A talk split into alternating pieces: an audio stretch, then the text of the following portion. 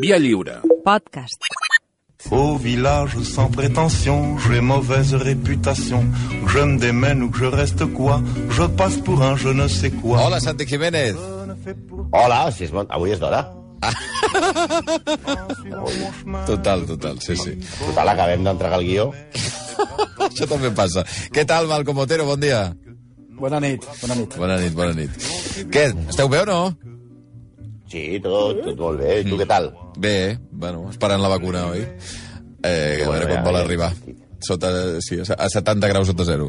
Escolta, eh, aquesta setmana no es L'hauran queixarà... de guardar Lleida. Eh? L'hauran de guardar Lleida. A Lleida, sí.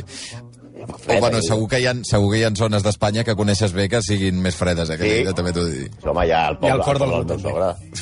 Sí, sí. Bueno, um, la setmana passada hi havia com molts nervis amb el tema de Sean Connery. Uh, avui no hi haurà tants atacs de cor, per No. entendre'ns, entre Home, l'audiència, no? Espero que no, perquè hi ha molta gent que es preocupa perquè que això de, ara que parlàvem de refredar, de refredar vacunes, hi ha gent que, que li sap molt de greu que no deixem refredar el fiambre. Ja. I avui poden estar tranquils, eh? Perquè Per què? el nostre execrable d'avui va morir gairebé fa 120 anys, eh? O sigui, ja, ja, ja, l'ha- ja, ja l'hem deixat, ja està per pastilla del caldo, no pel caldo, pel pastilla. Vull dir, i va morir al Pastilla de caldo. Em sembla brutal que sigui pastilla de caldo. Que... va morir al castell d'Osborne, que imaginem que si fa 20, 120 anys, Osborne, que seria en mi castillo o en el tuyo, nos tomamos un copazo, és usted de Vox, venga a mi castillo. Bueno, el programa agafaria el nostre amic Bertín. Clar, eh, clar va néixer fa més de 200 anys, perquè avui li, tanca, li tagarem el vestit de dol a una dona que va estar 63 anys i 7 mesos al tron. No, no caguen, al, al tron d'Anglaterra. Sí, ja, ja O sigui, s'entén. No, no calia ja, la... sabem, la... ja, ja veiem que amb l'actual les senyores que arriben a, a, a regnar Anglaterra s'estan estona. O sigui, riu-te tu de Carles Tusquets. O sigui, ells, quan, elles quan arriben posen, no s'hi posen per poc, eh? La dona que farem avui va expandir l'imperi britànic i va ser fins i tot emperadriu de la Índia i sota el seu regnat es va abolir, per exemple, l'esclavitud. És la reina que ha donat nom a una de les èpoques més puritanes i castrants del Regne Unit i una coneguda marca de llançaria també, que no sabem si utilitzava ella. Una dona freda com un iceberg, hipòcrita, una mare horrible, iracunda, insensible i falsa. Ai. Avui li, li fotem les, foll, les, les, les, Les joies de la corona. Compte? Les, les joies de la corona. calma, calma, eh? les folles de la corona. No, no, Calma. les joies, les joies. A la iaia d'Europa. La iaia d'Europa. La reina del Regne Unit de la Gran Bretanya i Irlanda, que anava a ser batejada com Victòria Georgina Alexandrina Carlota Augusta. Però seu oncle, que era el regent, perquè, per, perquè no cabia tot en el DNI, va fer que es digués només Alexandrina Victòria, més coneguda com la reina Victòria.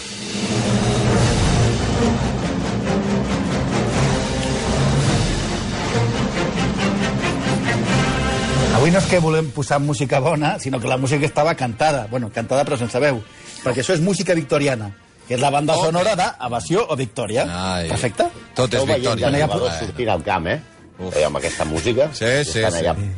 Està sortint Pelé i Sylvester Stallone de porter, que Sí, des de sí. Rusto no s'havia vist un porter igual. Rusto. Mare meva. Ja, ja posarem alguna, una, alguna amb lletra, vull dir. En fi, el primer que direm de la reina Victòria és que no anava per reina, no estava destinada a ser reina. Era la No estava cinquena... preparat. no estava preparat. Era la cinquena en la línia successòria. Si mirem avui la cinquena, la cinquena en la línia successòria espanyola, per exemple, Alexandrina Victoria seria Victoria Federica de Todos los Santos de Marichalari Borbón. Que està Cuidao! Per, dar per darrere del seu germà Froilán. Aleshores, dient, no estava, no estava destinada a ser reina. Era la cinquena, la cinquena. I no, encara no s'havien inventat les targetes de crèdit. La cosa és que Jordi III, George III, va tenir 12 fills, però cap net legítim. La única filla Cuidao! de la- de l'encara regent George IV va morir al part i no hi havia més, més Al- opcions al que la parc? nostra Alex al Vicky. parc? El part, el Ah, el part, part, el part. Perdona, perdona. Part. A donar llum. Vale, vale. I, I clar, però tu imagina't com devia ser la família, quina banda de golfos, que va tenir 12 fills i cap dels fills li va donar un net legítim. Vull dir, allò sí que anaven, anaven polinitzant pels puestos, segurament pels parcs, també. Pels parcs, també. vaya, vaya banda, vaya... com 12, eh? I ni un. 12, i ni un, eh? O sigui, això sí que era, això sí que era no respectar la bombolla. abans, abans de seguir amb la vida de la reina de negra, perquè si, si ja veieu les seves fotografies, perquè aquesta dona va viure ja una època que no, no és pintada i no la podien millorar com feien els pintors abans, sinó fotografies, ja veureu, sempre anava molt de negre i ara us explicarem per què. I per què li diuen l'àvia d'Europa? Que no li diem nosaltres, eh, li deien l'àvia d'Europa. A veure, perquè els seus gens, la seva genètica, i això inclou l'hemofília, malaltia que patia i que va esparramar per les cases reials europees, la va escampar per totes les cases reials del vell continent. Mm -hmm. Diguem-ne que és, sense ella, la revista Hola no hagués existit mai. Perquè tots els que surten a la Hola, a la portada, bueno, la d'abans, quan, quan sortia gent important de veritat i no Sí. sota carros, eh? Sí. tots porten genètica de la reina Victòria. perquè la seva descendència directa es va casar amb el més granat de l'aristocràcia europea. Per exemple, Frederic II de Prússia, eh, Christian de Schleswig-Holstein, que és el del, el del Puigdemont, Sí. que, que ni, ni sabent ni amb el judici a pronunciar bé el, el nom aquest. No, ho estem També bastant bé. Maria... Holstein. Sí, sí. Schleswig-Holstein encara, mira. Maria Alexandrova de Rússia i diversos més van emparentar amb els seus descendents directes. Però el que més ens interessa és Henrik Maurici de Battenberg. Heinrich Moritz, eh, ojo que es deia Moritz, jo prefer, ni jo mm, preferia que es digués Voldam, però es diu Moritz, Heinrich Moritz von Battenberg. Perquè el matrimoni de Beatriu amb Heinrich va tenir una filla anomenada Victòria Eugènia, que li van posar en honor a la iaia. I aquesta neta de la reina Victòria és la mare d'Alfonso XIII, l'avi de Joan Carles Home. i el besavi de l'actual rei d'Espanya. És a dir, que la sang de la reina Victòria també corre per les venes de Froilán. Cuidao. my club is proud to present the one and only Victoria! Victòria. Aplaudiments tímids, eh? Ara. About 20 years ago, way down in New Orleans. Bueno, això ja no té res a veure amb posat res, no? això... Sí, perquè és The One and Only Victoria, Ja, ja, més ja. música victoriana, i no podia faltar Víctor o Victoria. És que avui estem més cine cinematogràfics que el Toni Garcia Grullón. Grullón. Sí. Grunyón. Bé, la, la, la infància de la, de la Victòria és bastant desgraciada. Per començar, el seu oncle, George IV, eh, i els seus partidaris li tenien tírria des del naixement. Al morir el seu pare, la seva mare, l'Alemanya, en part per protegir-la, tenia com a les pel·lícules catadors de menjar i tal, però sobretot per manipular-la, la va sometre al que es diu el sistema Kensington, que era un règim cruel d'intimidació i sobretot de vigilància. A Victòria no se li permetia estar sola, ni un segon. Home. Dormia a l'habitació de la seva mare cada nit i una infermera o una institutriu la vigilava fins que la seva mare es retirava al llit. Cada tos, cada paraula i fins i tot l'elecció de la vestimenta li van ser fidelment informades a John Conroy, aquest senyor molt important, que era el suport de la seva mare i que era també un, un manipulador. Les, la, la van mantenir allunyada de la família del seu pare i aïllada de tots els nens de Palau, de tothom excepte de Conroy. Us podeu imaginar que la infantesa d'aquesta pobra dona va ser, va ser eh, un confinament eh, premium. Eh? O sigui, Sí, sí, sí, sí. Ella, mateixa, ella mateixa reconeixia que vaig tenir una infantesa molt infeliç. Va, es va lamentar després. La seva mare i Conroy, que eren els que, els que manipulava, la seva mare de la regent, van intentar anys després que ella, que, que com hem dit, anava destinada a ser reina, signés un document perquè deixés la regència a la seva mare fins que tingués 21 anys. Però la nena, que ja deia, mira, si a sobre m'esteu aquí putejant, no puc jugar amb els nens, eh, haig d'anar a dormir amb la meva mare, tinc una institutriu, una institutriu de les d'abans, no nou per d'aquestes tipus, no, no, de, sí, Rottenmeier. Ara. I va dir, pues mira, una merda, em nego a signar-ho, i quan va arribar al tron va enviar la seva mare a fer punyetes, què menys. Des de nena la van prometre amb el seu cosí Albert, un príncep alemany. Les cròniques de l'Ola de l'època parlen que aquest era un dels pocs matrimonis reals per amor. Un amor a primera vista que es van conèixer. Però la història, en veritat, no és tan bonica. Primer, és veritat que als dos eh, els agradava molt moure el llom entre ells, que és una cosa bastant estranya en aquesta família, Sí. perquè movien molt el llom entre els altres. Ah, clar. Però aquest sí que... Això està bé. De fet, eh, van tenir en comú nou fills. No és poca cosa. gairebé va estar, que suposa tenir nou fills, va estar gairebé 8 anys embarassada. Però ella eh, no estava massa bé al cap. Tenia ferotges atacs d'ira, s'emprenyava molt. Imagineu-vos Roncero amb el bar eh, quan li piten un... Pitjor encara. I, i ell, a l'Albert, sempre temia que aquest, aquest, aquests atacs d'ira de, de, d'ira fossin símptomes de bogeria perquè ja li venia de família al- a l'oncle, el rei George III. O sigui que ja venien taradets, taradets de fàbrica. Les bronques entre tots dos eren contínues, a part. A més, e- ell s'ocupava molt de les tasques reals. Eh, les, les de la reialesa, no? no de rentar els plats i tot això, no? Perquè, evidentment, aquesta dona es va passar la meitat del regnat embarassada Clar, clar. i no es podia, de, i no es, i no es podia dedicar. Però ella es va posar molt suspicaç amb la dedicació. A veure, eh, és normal venint d'on venia la noia, perquè si cries una nena com si fos Julian Assange amb una ambaixada, Ala, poc em sembla que tingués un caràcter, diguem-ne, una miqueta encès. Però la veritat, quan ella esclatava en còlera, ell estava tan acollonit que només es comunicava amb la seva dona amb notes escrites per li passava per sota de la porta, perquè allò era la, el, No es volien ni el veure. hiperhuracanado. Sí, és allò de carinyo, si, que baixi un moment a per tabac i li posava per sota. Això sí, després tenien unes reconciliacions molt amoroses i tenien nou fills. Mamma mia, here I go again.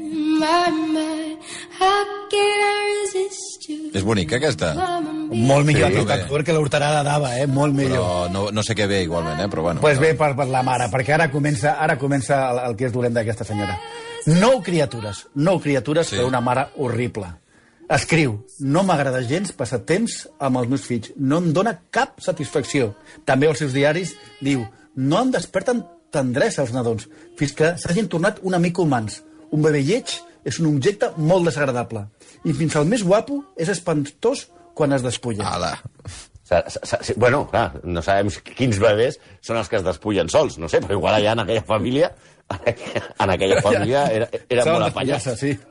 Sí, I es vestien també, es posaven tota la còfia. I mira que portaven coses aquella època. Eh, hi havia, d'entre els nous fills, hi havia un que era especial. Especialment dolenta la relació que tenien. És el fill Bertie. A més de pensar, la mare, que era idiota, tenia altres coses. Imagina que la seva mare ja pensava que Bertie era idiota. Va escriure d'ell. No puc pensar que sigui guapo amb aquest cap dolorosament petit i estret, aquests trets immensos i una manca total de barbeta. O sigui, era un home eh, espantós. Era, eh, com podeu veure, amor de mare. Cal dir que aquesta obsessió per la bellesa és una mica sorprenent venint d'aquesta senyora, que media metre 40, literal. Francament... Ah, sí? mm, Sí, sí, sí. No, diguem-ne que era, era, era la meitat que Facundo Campazzo, més o menys. I a més s'assemblava bastant a Facundo Campazzo. Vull dir, era realment poc agraciades. Mireu, ja ho hem dit que les pintures et poden enganyar, però les fotos no. Si aneu a mirar les fotos d'aquestes senyores, mm, diguem-ne que objectivament no volem jutjar a, a ningú pel seu aspecte, però que Cindy Crawford no era. quan Bertie, aquell, aquest fill de, que, que parlem, tenia 19 anys, va passar un, un, un temps entrenant amb l'exèrcit a Irlanda. I una prostituta anomenada Nelly Clifton va ser introduïda clandestinament al seu llit. La La història va arribar al seu pare, va arribar al seu pare, va quedar devastat i li va escriure a Bertie una carta llarga i emotiva lamentant-se de la seva, diguem-ne, caiguda. I el va visitar a Cambridge i els dos van donar un llarg passeig sota la pluja i Albert va tornar a Windsor malalt i tres des després és mort. Albert probablement va morir de febre tifoide, però durant anys Victòria va culpar a Bertie de la, va culpar Bertie de la seva mort. No podia suportar tenir-lo a prop seu. Mai podré ni ho miraré sense estremir-me, va escriure. Mamma mia. Com a curiositat, aquest Bertie va tenir un romans i una filla amb Alice Keppel, àvia de Camila Parker Bowles, la de Voldria ser el teu tàmpax. Ai. A Victòria li agradaven tant els nens que quan la seva filla Vicky va anunciar que estava embarassada, Victòria li va respondre horrible notícia, ens ha molestat terriblement. Això sí, tenia espies i intentava controlar tot el que feien el seu, la, la seva descendència. Amor no, però control sí. L'àvia d'Europa era una mare despietada. Hombre, Sí, Ara sí. Aquí tornem a... Hem posat poca peret en aquesta secció i el posarem més bueno, perquè no eh, penseu que posar cançons dolentes, normal. No sé, ara posarem més, però clar, a, a, aquesta vegada sí, eh, sí que era mort l'Albert, o sigui, ja, ja veieu, ella, ella feia allò de, ostres, el seu, a l'amor de la seva vida, aquell home que, que l'esbroncava i després la deixava prenyada i tal, i ella culpa el seu fill de, de la mort del seu marit i ella es posa de dol. I aquesta vegada sí que era dol, era, era, era mort, però cuidado, ja, ja sabeu que quan es parla de l'època victoriana es parla dels valors anglesos, els valors molt puritans, que és els que va imposar la nostra Vicky. Es va vestir de negre, de dol, per la resta dels seus dies. Per això, sempre, diu, sempre les seves imatges ja de gran, sempre va vestida de negre, que sembla una de les hermanes izquierdo de Puerto Urraco. Per cert, no hem pogut comprovar-ho bé, però es diu molt que ella va instal·lar la moda de casar-se de blanc Sí. i va ser, per tant, la dama de blanc i la dama de negre. I va fer coses de tarada, com per exemple, en, en això de que si el muerto estava vivo, que cada matí els servents del, del, del Palau li preparessin la roba neta del seu marit cada dia com si fos viu i li deixessin allà preparada al costat del llit. Por, Sí? Imagineu-vos. Sí, però això del dol, que dius, ostres, pobra dona, sí que està afectada, és una mica quan el, quan el president d'un club diu que confia en l'entrenador que està perdent uns partits i, i que el reafirmen en el càrrec. És a dir, mentida. O sigui, és mentida. O sigui, ja es pot anar a preparar la quema. Amb ella, el mateix. Mentre feia que els servents li preparessin la roba al marit i culpava el fill de la mort del seu, del seu marit, ella, als 10 minuts, ja es va embolicar amb un tal John Brown, el qual li va posar una habitació a prop de la seva al castell de Balmoral. El, el rumor era tan conegut entre la cort i entre la, la gent anglesa, i alguns de la premsa, que la reina Victòria, en petit comitè, es referien amb ella com la senyora Brown. I, segons l'historiador Michael McDonald, es van fins i tot arribar a casar en secret. Però aquest senyor, ves per on, pobra dona, tenia mala sort, també es va morir. I llavors, clar, que no es podia quedar sola, perquè ella, la veritat, necessitava sempre un home al costat. S'ha de dir una cosa que no, que, que no hem dit, que ella parlava alemany amb el, amb el Albert. Uh -huh. I, de fet, par parlava molt malament anglès i amb molt accent. Intentava, era molt tímida també perquè s'adonaven que no era anglesa de, de, de veritat, no? I llavors, quan ja es va morir aquest, aquest, aquest senyor, el, el senyor marró aquest, el senyor Brown, es va fer molt amiga d'un servent indi, Abdul Karim, i el va instal·lar a l'habitació del Moral en la qual havia jutjat el senyor aquest Brown. O sigui, ja, ella ja era una senyora gran, i ell era un jove ben guapo de 24 anys. Era com clar, Sandokan. una mica Sandokan. Les fotos, les fotos és una mica Sandokan. Això va escandalitzar, una, una, òbviament, una altra, una altra vegada la cort i el seu fill, eh, Eduard VII, el que seria el rei Eduard VII. Quan va morir la mare, el servent va ser deportat immediatament al seu país. A la diràs. victoriana, que havia inventat les màquines de bany, que no sé si sabeu què són, són aquestes, són com cases de fusta amb rodes de carro, perquè la, la, la gent es banyés sense el cos, sense, sense que es vegés el cos. Això ho podeu mirar, buscar a Google, és molt, molt interessant. Pues en aquest país, la reina baixeta, lletja i grassoneta s'abandonava a la libido sense fre. Era una cosa així com una mandonguilla viciosa. Sí, i a més, i tan viciosa que era, perquè en aquesta societat puritana, ella, que tenia? El que tenen també, també va instaurar la tradició de les reises angleses de donar-li bastant sovint el frasco. Li donava el, el vin mariani, El? que és una beguda, atenció, una beguda que no es pot demanar ara ja. Ara, Vin ara, Mariani? Bueno, no es pot demanar enlloc.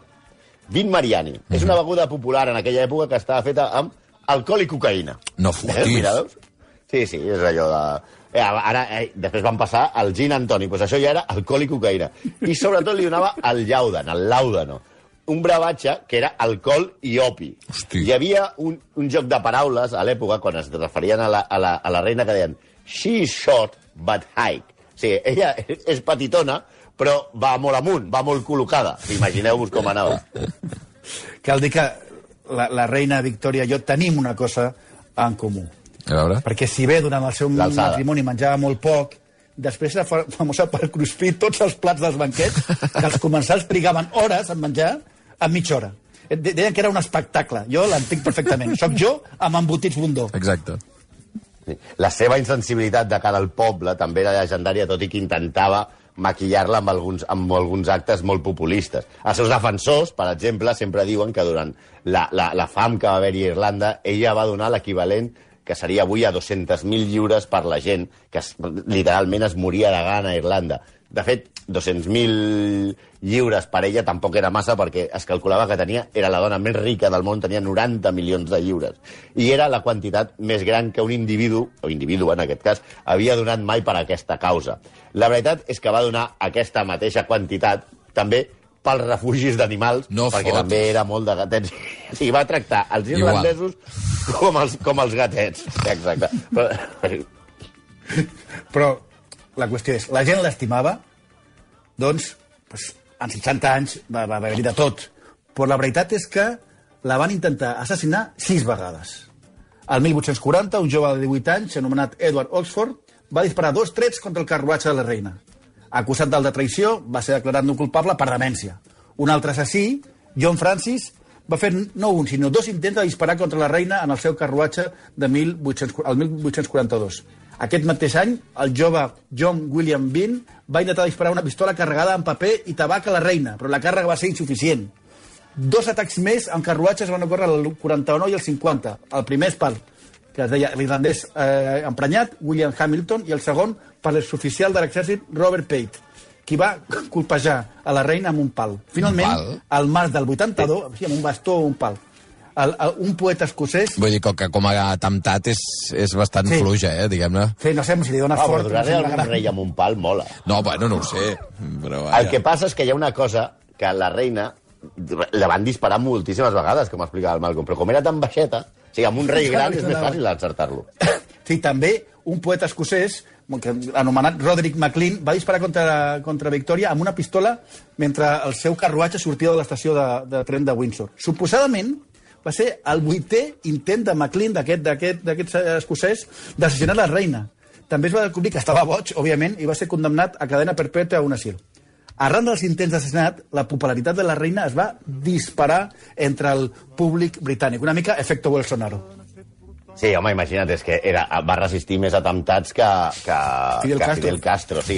I, I el McLean aquest era una mena eh, el coyote intentant caçar el correcaminos. Sí. al final, Que animal. al final ja, el tio diu, la va intentar matar vuit vegades. I, escolti, també la policia anglesa s'ha de dir que la, la mítica Scotland Yard, i perquè Sherlock, era l'època de Sherlock Holmes, a més, no van, no van, no van atrapar-lo, perquè per sospitar d'un tio que intenta matar vuit cops a la reina d'Anglaterra, home, tampoc, tampoc has de ser el Aquest tio geni que cada el dia geni dispara, la voldrà matar o no?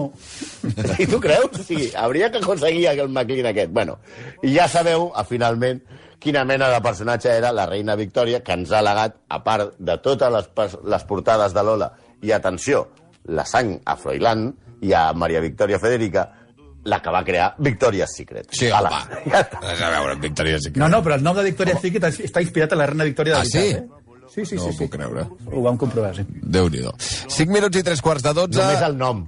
No, ja, ja m'imagino. Ja, ja. Bueno, no vull entrar en més detalls, ja. Apa, adéu-siau. Adéu-siau. Adéu. Adéu, adéu. Sauf les aveugles, bien entendu.